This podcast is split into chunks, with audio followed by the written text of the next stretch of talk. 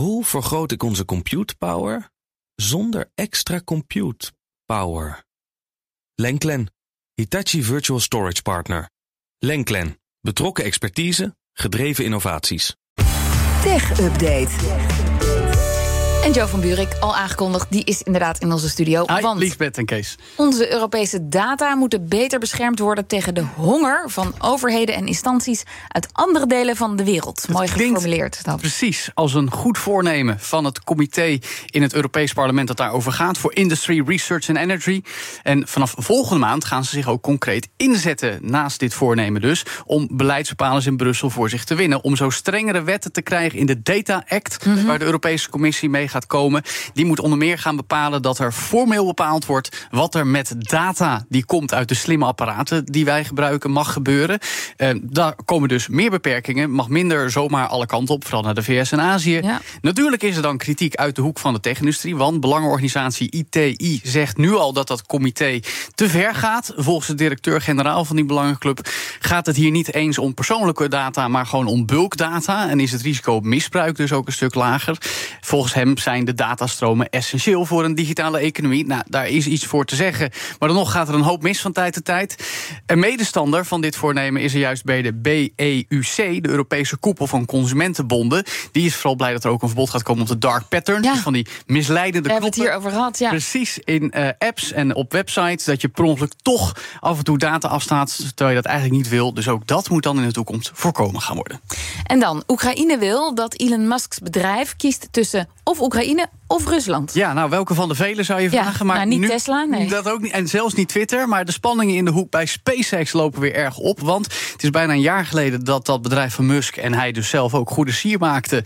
door allerlei Starlink-terminals Ja. te leveren aan Oekraïne. om de online communicatie in stand te houden met het satelliet-internetnetwerk. Maar sinds vanochtend vroeg weten we dat dat land, Oekraïne dus, die dienst niet meer zomaar kan gebruiken. Bijvoorbeeld om drones te besturen. Dat mag niet, zegt directeur van SpaceX, Gwyn Shotwell. Het netwerk mag volgens haar en dus ook Musk niet worden ingezet voor bewapening. En drones kunnen natuurlijk gebruikt worden om Russische doelen te bekijken en misschien ook aan te vallen. Dat wordt in ieder geval gemeld door onder meer Reuters. Nu zegt ook een politiek adviseur van president Zelensky, want die man zelf was nogal druk in Brussel vandaag, dat Musk maar zijn kant moet kiezen. In de loop van vorig jaar hebben we hem ook al vaak ja, ook een beetje naar Russische eh, sympathieën horen uitspreken. Dat hij bijvoorbeeld opeens bedacht had dat Rusland maar bepaalde geannexeerde gebieden moest houden. Eh, maar er staat wel wat op het spel voor het Oekraïnse leger, want ze gebruiken volgens Reuters duizenden Starlink-apparaten. Sommige kregen ze ook gratis van SpaceX bijna een jaar geleden. Maar ja, toen was nog alles koekenij. Ja, nou, heeft hij al, heeft er, is er al een reactie geweest? Eh, nee, Nee. Nou. gaat ongetwijfeld komen.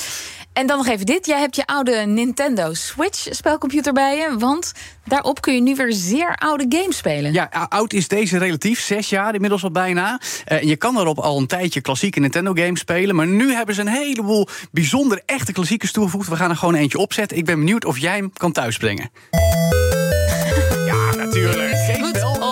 Tetris. Heel goed. Ja. een van de vele originele Game Boy spellen. Ook Super Mario Land 2 en Zelda. Allemaal tussen aanhalingstekens gratis te spelen als je een abonnement hebt op de online dienst van Ja, Nintendo. maar Nintendo Switch is toch voor kinderen? Nee, Het- helemaal dit is niet. meer iets voor volwassenen. De- die kinderen, die, die, die- jij was zo oud toen dit uitkwam, zeg maar, Ja. begin jaren 90. Maar Ja, ik speel dan toch op iets anders. Nou ja. maar dit is toch ook leuk. En het is interessant, want de Switch, weten we sinds deze week... is officieel meer verkocht dan die originele Game Boy. 122 miljoen stuks, bleek uit de kwartaalcijfers.